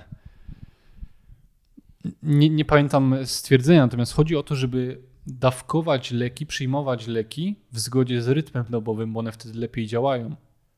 To jest przyszłość. Ponieważ jak ktoś ma wiedzę na temat tego, że rytm dobowy odpowiada, tak jak ta piosenka, tak? Na początku jest wokal czy tam gitara, dopiero potem masz na przykład perkusję, tak? To jeżeli ktoś wie, jak działa nasz organizm, to wie, w którym miejscu w ciągu dnia zapodać dany suplement, Będzie żeby był największa skuteczność. dokładnie. Ma sens. Ma sens. To ciekawe, że to będzie w takim razie coraz tak bardziej nagłaśniane. Na, jest już nawet nauka, która nazywa się chronobiologia. Mhm. I ona mówi właśnie o tym, kiedy co robić. A powiedz mi, skoro już wiemy, że te organy. Powiem jeszcze, powiedzieć? tak, No jeszcze powiem Mhm. dosyć ciekawą rzecz, która na pewno zainteresuje słuchaczy. E, Nie wiem, czy pamiętasz, wspomniałem wcześniej o hormonie leptyny i greliny. Leptyna jest e, bardzo ważnym hormonem dla nas, ponieważ informuje nasz mózg, jaki jest poziom energii w naszym ciele. I to jest mega istotne. I dam Ci znowu taką prostą analogię. Leptyna to jest wskaźnik paliwa w samochodzie. I wyobraź sobie, że właśnie ruszasz z Warszawy na Mazury i Twój wskaźnik paliwa nie działa. O Jezu, ostatnio nam się w samochodzie zepsuł i cały czas pokazywał, że nie ma paliwa, mimo że był pełny bak. I jak to się jest takie, czułaś? No, życie na krawędzi. w samo sedno i pomyśl, jak się nasz mózg musi czuć, jeżeli nie wie, ile energii spożywasz. Kiedy się zatrzyma. To jak, mózg, jak ty się czułaś? Byłaś życie na krawędzi. Dokładnie. Jest coś takiego, co się nazywa leptynooporność.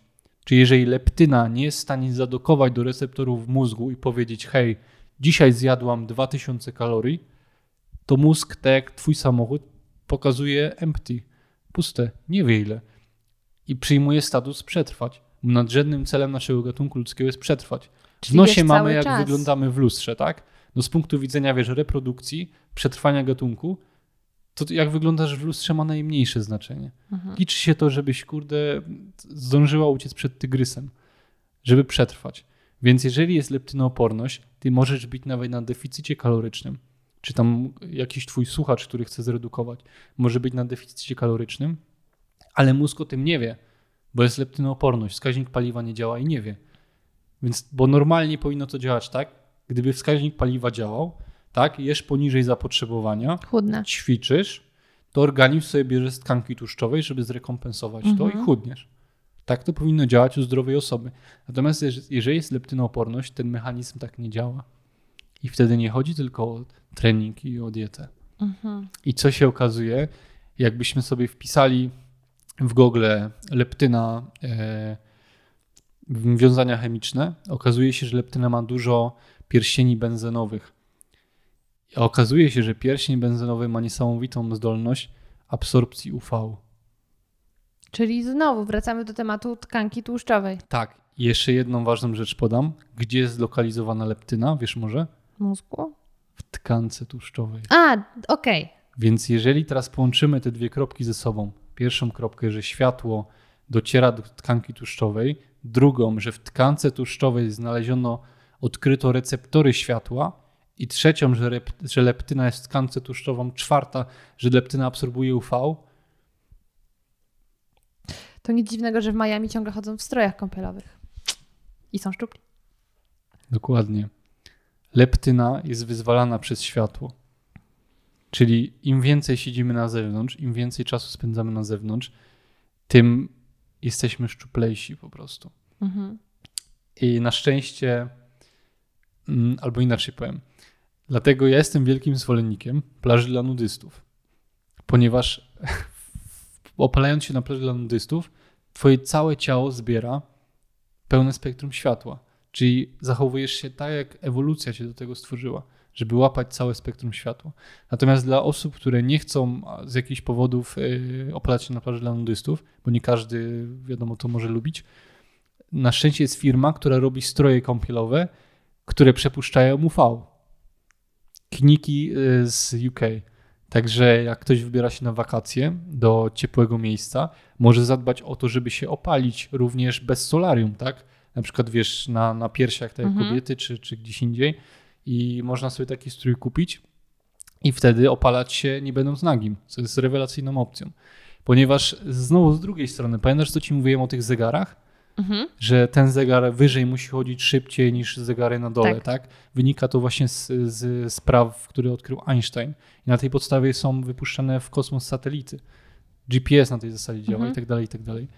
Okazuje się, że jeżeli zegar e, w, w macicy kobiety nie działa tak, jak potrzeba, czyli chodzi szybciej niż ten tutaj, to może być problem z miesiączką, może się rozregulować cykl menstruacyjny i mogą być nawet problemy z niepłodnością. Boże, jak my jesteśmy złożeni. Chro, chronobiologia i rytm dobowy steruje wszystkim. A- Więc powiedz mi, patrząc teraz z tej z perspektywy, o której ci mówię, czy serio przedstawianie biohackingu na zasadzie weź tabletkę, będzie dobrze, ma sens? Zupełnie nie. Ale wiesz co, też pojawia mi się taka myśl w głowie, że z jednej strony to jest ultra skomplikowane i nagle sobie myślisz, że potrzebujesz okularów, ty musisz pamiętać, żeby wyjść na wschód słońca, zachód, coś tam, coś tam. I jak tak myślę teraz, przeciętna osoba sobie od tego słucha, myśli, Jesus, to jest trudne, już wolałbym tą tabletkę. Ale z drugiej strony, jak się zastanowić, to to jest super proste. Tylko my znowu proste. tak Kompli- bardzo oddaliliśmy się od natury. I to jest to, o czym też z Emilką rozmawiałyśmy, że e, natura sobie, a my staramy się sobie, zamiast pogodzić się z tym, jak jest i iść w zgodzie z cyklem, a nie przeciwko niemu i próbować cykl dostosować do siebie, coś, co nam nie wyjdzie. To tak samo jest tutaj. To nie jest tak skomplikowane w założeniach i ludzie przez y, wieki tak żyli, no tylko później technologia poszła szybciej niż Tak, i teraz jesteśmy po prostu leniwi, się do tego przyzwyczailiśmy. A zobacz, tak naprawdę 15 minut wschodu słońca, 15 minut zachodu słońca i odstawienie elektroniki na 3 godziny przed snem to jest ciężkie? Okej, z, tą- z tym odstawieniem elektroniki może być ciężkie dla wielu osób. Dlatego się pojawia biohacking, czyli okulary blokujące światło niebieskie. Czyli 15 minut wschodu słońca, 15 minut zachodu i blokujesz światło niebieskie po zachodzie słońca. Czy to jest naprawdę takie ciężkie, żeby było niemożliwe do wprowadzenia? no nie. Wielu moich podopiecznych wprowadza te zasady i czują się rewelacyjnie. Ostatnia, ostatni wątek, ostatnie moje pytanie jest Dobra. takie. Bo ty właśnie też przez lata zajmowałeś się głównie keto. Tak. E, Też masz bardzo dużą świadomość na temat jedzenia, ale wczoraj, jak rozmawialiśmy, stwierdziłeś, że właśnie dieta to nie wszystko i coraz częściej stwierdzasz, że to, co jemy, e, jeśli to jest powiedzmy proste, nie jakieś bardzo przetworzone jedzenie, jest ok i te kalorie nie są najważniejsze. Ale chciałam Cię zapytać, em, zgodnie z rytmem dobowym, w jakich godzinach faktycznie dla naszego organizmu byłoby najlepiej już nie jeść? Po zachodzie słońca. To szybko. Szybko. Czyli w wakacje możemy iść dłużej.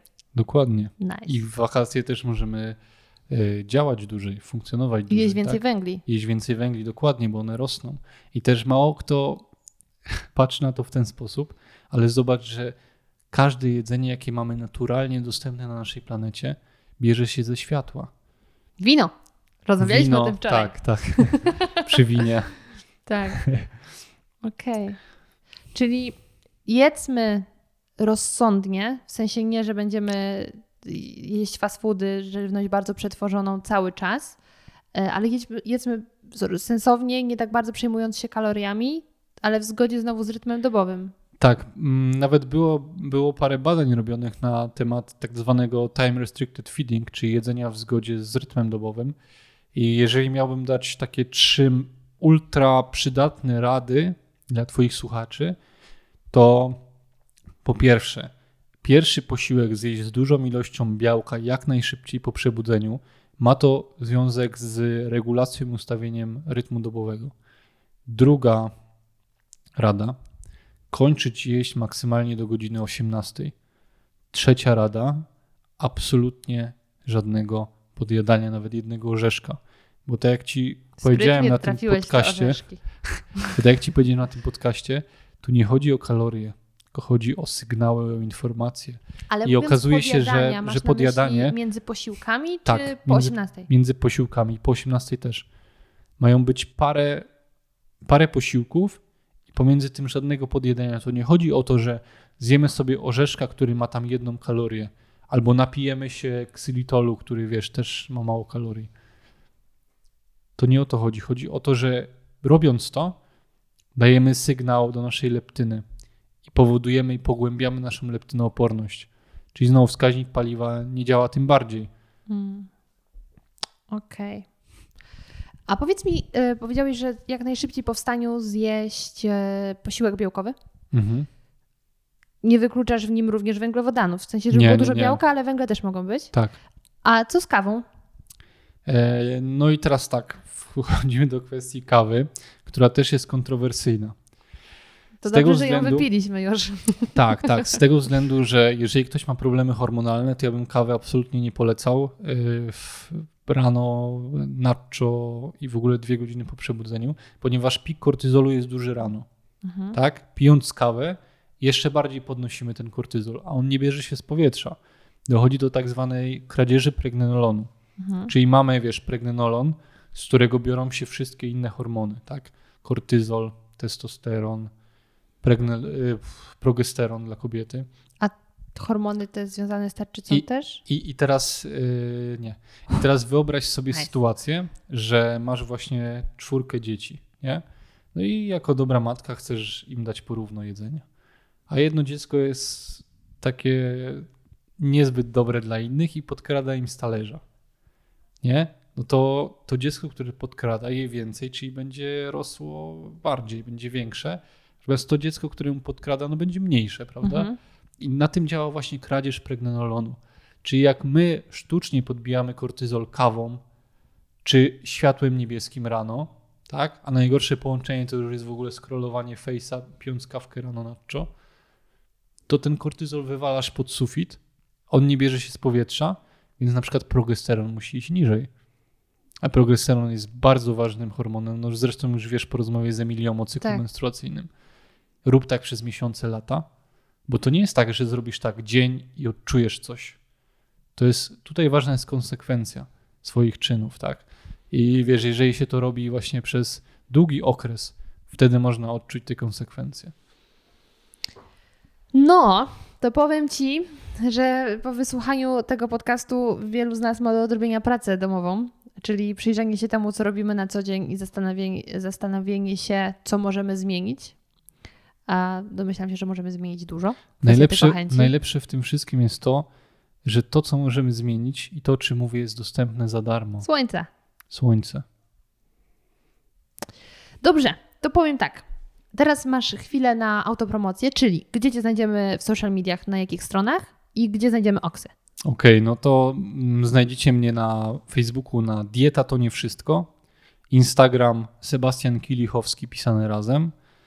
E, Odnośnie okularów to www.eyeshield.pl i jak oko, shield jak tarcza. Na Instagramie iShield.pl. E, Natomiast polecam również aplikację, którą wypuściliśmy. E, Ta asystentka zarządzania światłem, słońcem www.sun-gaze.com. Tam można pobrać na ten moment na Androida, natomiast będziemy ją rozwijać. No to ja czekam. Mój telefon też. Dzięki. Słuchaj, bardzo, bardzo, bardzo Ci dziękuję. Naprawdę y, czuję się mądrzejsza. Pomijając, że jak wczoraj już do Was przyjechałam tutaj na Mazury, to tak bardziej stwierdziłam slowly. O wiele więcej rozumiem jeszcze niż wczoraj.